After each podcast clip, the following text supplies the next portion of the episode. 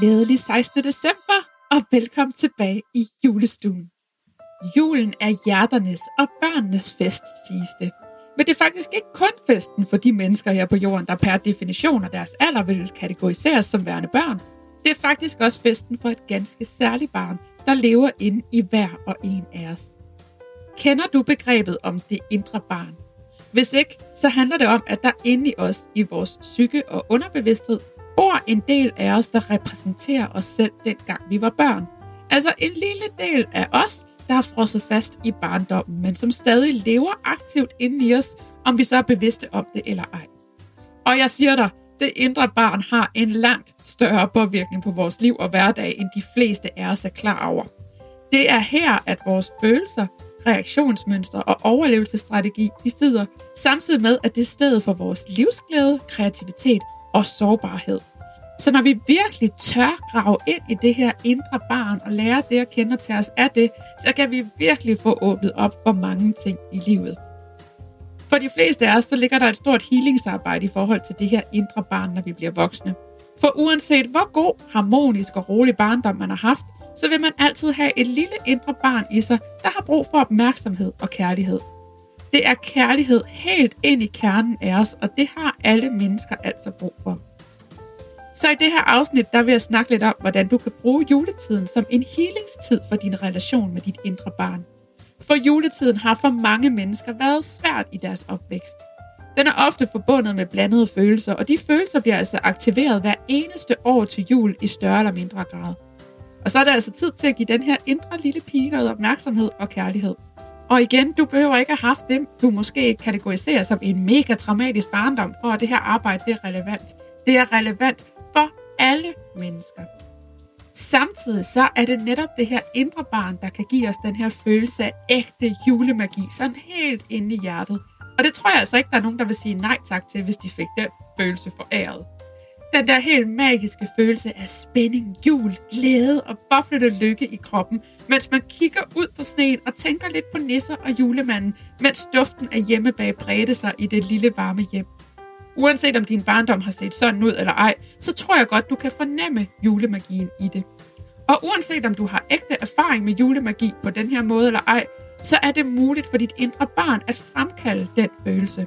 Og her der kan nogle af de her forslag måske hjælpe til at få sat gang i den følelse, og andre gode og dejlige følelser i det hele taget, som udspringer fra det her indre barn.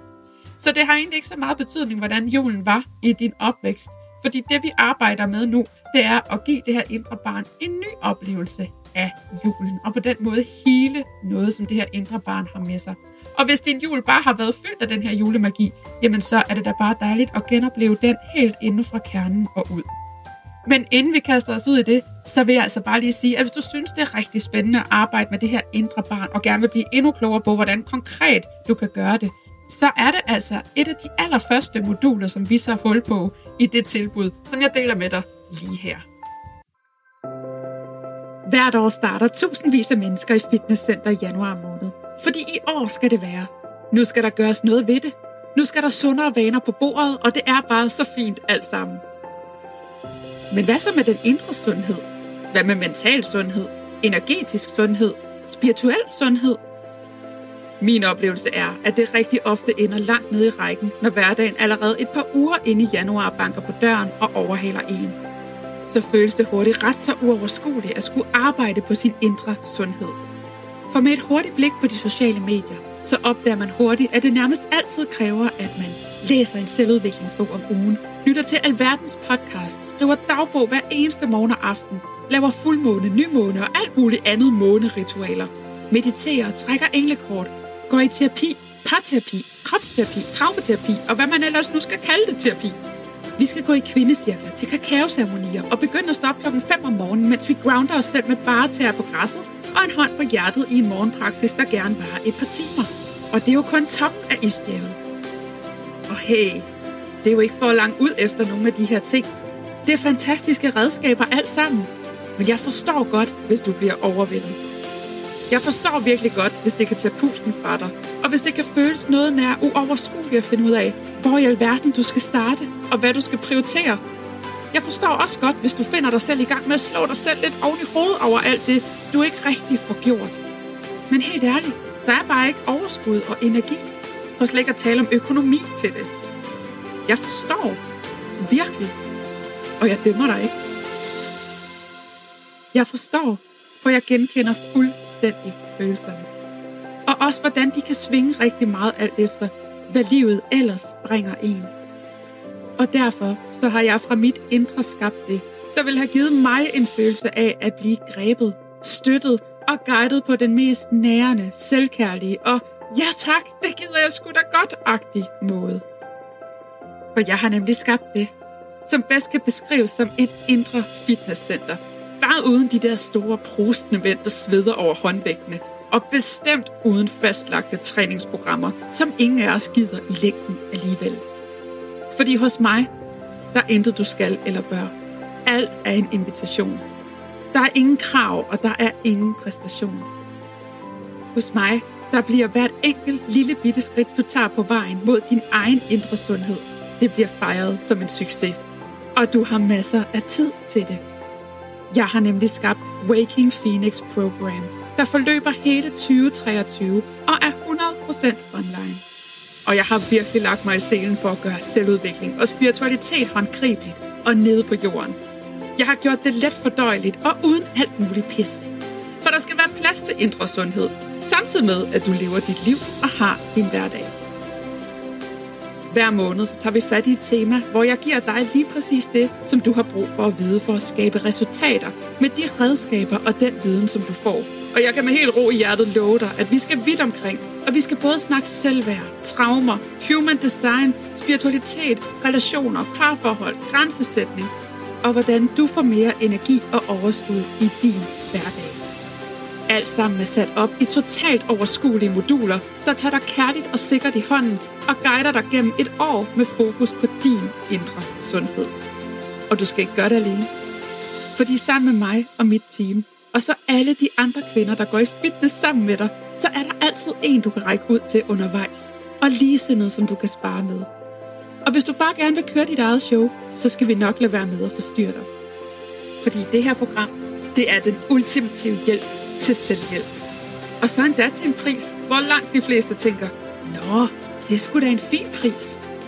Og som en ekstra lille julegave, så får du dit medlemskab for hele 2023 til en fantastisk skarp pris, hvis du tilmelder dig inden den 24. i 12. Og hvis det kalder, så hop ind og meld dig til. Vi åbner dørene den 30. i 12. med en smuk nytårsceremoni for alle, der ønsker at lukke 2022 på en god måde og samtidig sætte energien for det nye år. Og hvis ikke det lige er dig med sådan nogle ceremonier, så ses vi bare lige efter nytår. Skal du med? Så hop ind på lunabindner.dk og læs alt, hvad du har brug for at vide, inden du melder dig til. Så skal 2023 være året, hvor det hele ændrer sig. Så ses vi i Waking Phoenix Program. I forhold til dit indre barn og juletiden, så er det altså først og fremmest noget med, at du skal tillade dig selv at lege i julen. Og det lyder måske nemt, men det kan faktisk godt være rigtig svært for de fleste voksne. For vi har måske tillært os selv, at øh, når man er voksen, så skal man være seriøst og ikke alt det der med leg.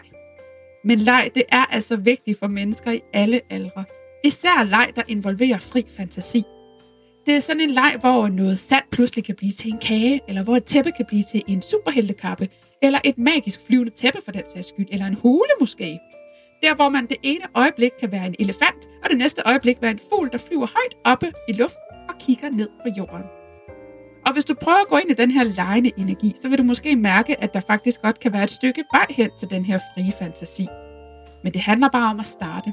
Så prøv at tænke over, hvilke lege, som du elskede, da du var barn. For eksempel i juletiden. Eller aktiviteter i det hele taget, som du husker fra dengang du var barn, og som du synes var sjovt. Når jeg selv tænker over det, så kommer jeg i tanker om at kælke på fulde drøg ned af en stor kælkebakke. Eller lave julekort med de der tuber glimmerlige, man kan købe i Flying Tiger. Kan du huske dem? Eller stå på skøjter. Altså, det blev jeg aldrig rigtig god til, men det var i hvert fald sjovt. eller løbe rundt om juletræet, mens jeg scrollede med på julesangen. Eller når jeg på familiens fuldstændig tonedøde klaver spillede små julemelodier. Det var faktisk utroligt, at mine forældre de kunne holde ud og høre på det i timevis hver dag. Men øh, de gav mig lov, for de kunne nok se, hvordan jeg bare synes, det var dejligt at sidde der og plimme løs til de der julemelodier.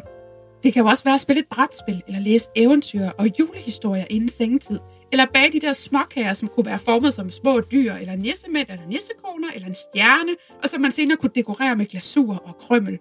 Hvad end du kan komme i tanke om, det kan du prøve at mærke ind i, om det vil være en god måde at glæde dit indre barn på.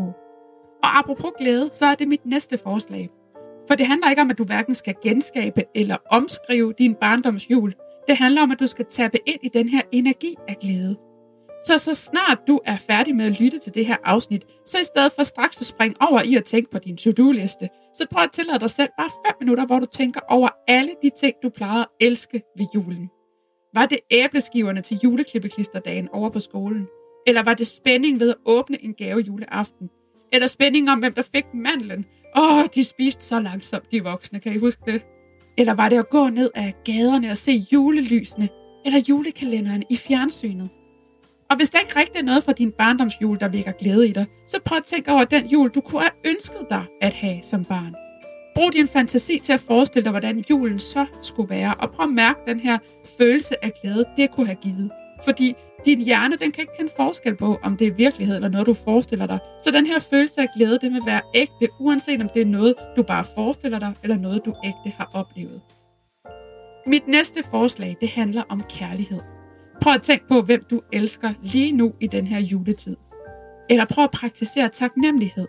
Tænk eller skriv alle de ting ned, som du er taknemmelig for lige nu, stort som småt. Fordi den her taknemmelige energi, den hjælper dig til at forbinde dig til dit indre barns ubetingede kærlighed.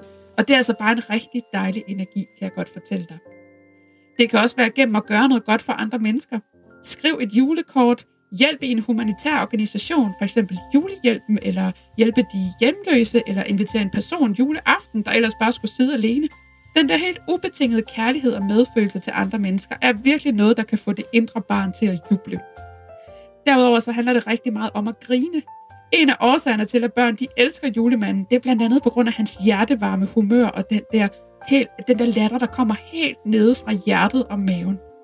Og hvis der er noget, der får vores indre barn til at hoppe og danse af glæde, så er det en rigtig god grinetur. Så i gang med at trykke på alle de knapper, der får dig til at grine. Er det en sjov komediefilm? At danse rundt i stuen til alle juleklassikerne? Jeg kan anbefale Last Christmas for eksempel.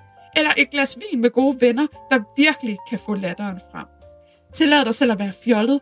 Grine af fjollet og åndssvage ting. Og af alt det, der ikke er sådan ægte sjovt, men som stadig er lidt sjovt alligevel. Sidst men ikke mindst, så handler det om at tillade dig selv at være med de følelser, der nu engang er. Det er ikke unormalt at komme i kontakt med en sorg, når man arbejder med sit indre barn på den her måde.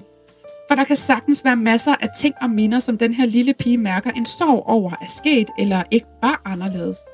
Tillad dig selv at sørge over den magiske jul, du aldrig fik, eller som du følte pludselig blev taget fra dig. Det er okay at mærke vreden og skuffelsen, såvel som glæden og lykken. Følelser, de kan godt sammen eksistere, for følelser, det er bare energi. Det er ikke farligt, men det kan godt være overvældende. Men følelser, de varer ikke evigt. De passerer bare dit system. Så rigtig god fornøjelse med at arbejde med det her indre barn. Virkelig prøv at mærke ind i, hvornår du kan mærke, åh, oh, der fik jeg fat i hende. Det kan også nogle gange hjælpe at kigge på billeder af dig selv. Hvis du for eksempel har billeder fra jul, da du var barn, Prøv at mærke ind i, hvad den her lille pige følte, da det her billede blev taget. Det kan godt være, at du ikke konkret kan huske det, men så kan du måske forestille dig det. Så øhm, god fornøjelse med det. Jeg håber, at vi lyttes ved igen i morgen, hvor vi skal snakke om, hvordan du måske kan undgå at blive så overvældet i julen. Måske. Men indtil da, så er der jo bare at sige tusind tak, fordi du lyttede med. Og tak for dig og dit indre lille barn. Inden du hopper videre til din dag, så vil jeg bare lige minde dig om, at du kan sende masser af kærlighed og julemagi tilbage til den her podcast ved lige at hoppe over på iTunes og give den 5 stjerner. På den måde så hjælper du flere mennesker til at finde frem til den, og så er det jo bare en mega nice ting at gøre. Og det er det også, hvis du føler for at dele podcasten på f.eks. dine sociale medier. Vi lever i en tid, hvor det er internettet og en algoritme, der bestemmer, hvem der skal få lov til at se hvilke ting på de sociale medier. Men for hver eneste gang, du deler noget, du godt kan lide, eller som giver dig noget, så hjælper du den her algoritme til at forstå, at hey, det her det er mega nice og værdifuldt. Det skal du simpelthen sørge for, at der er flere, der får gavn af. Hver eneste deling gælder, og her der gælder det virkelig, at sharing is caring.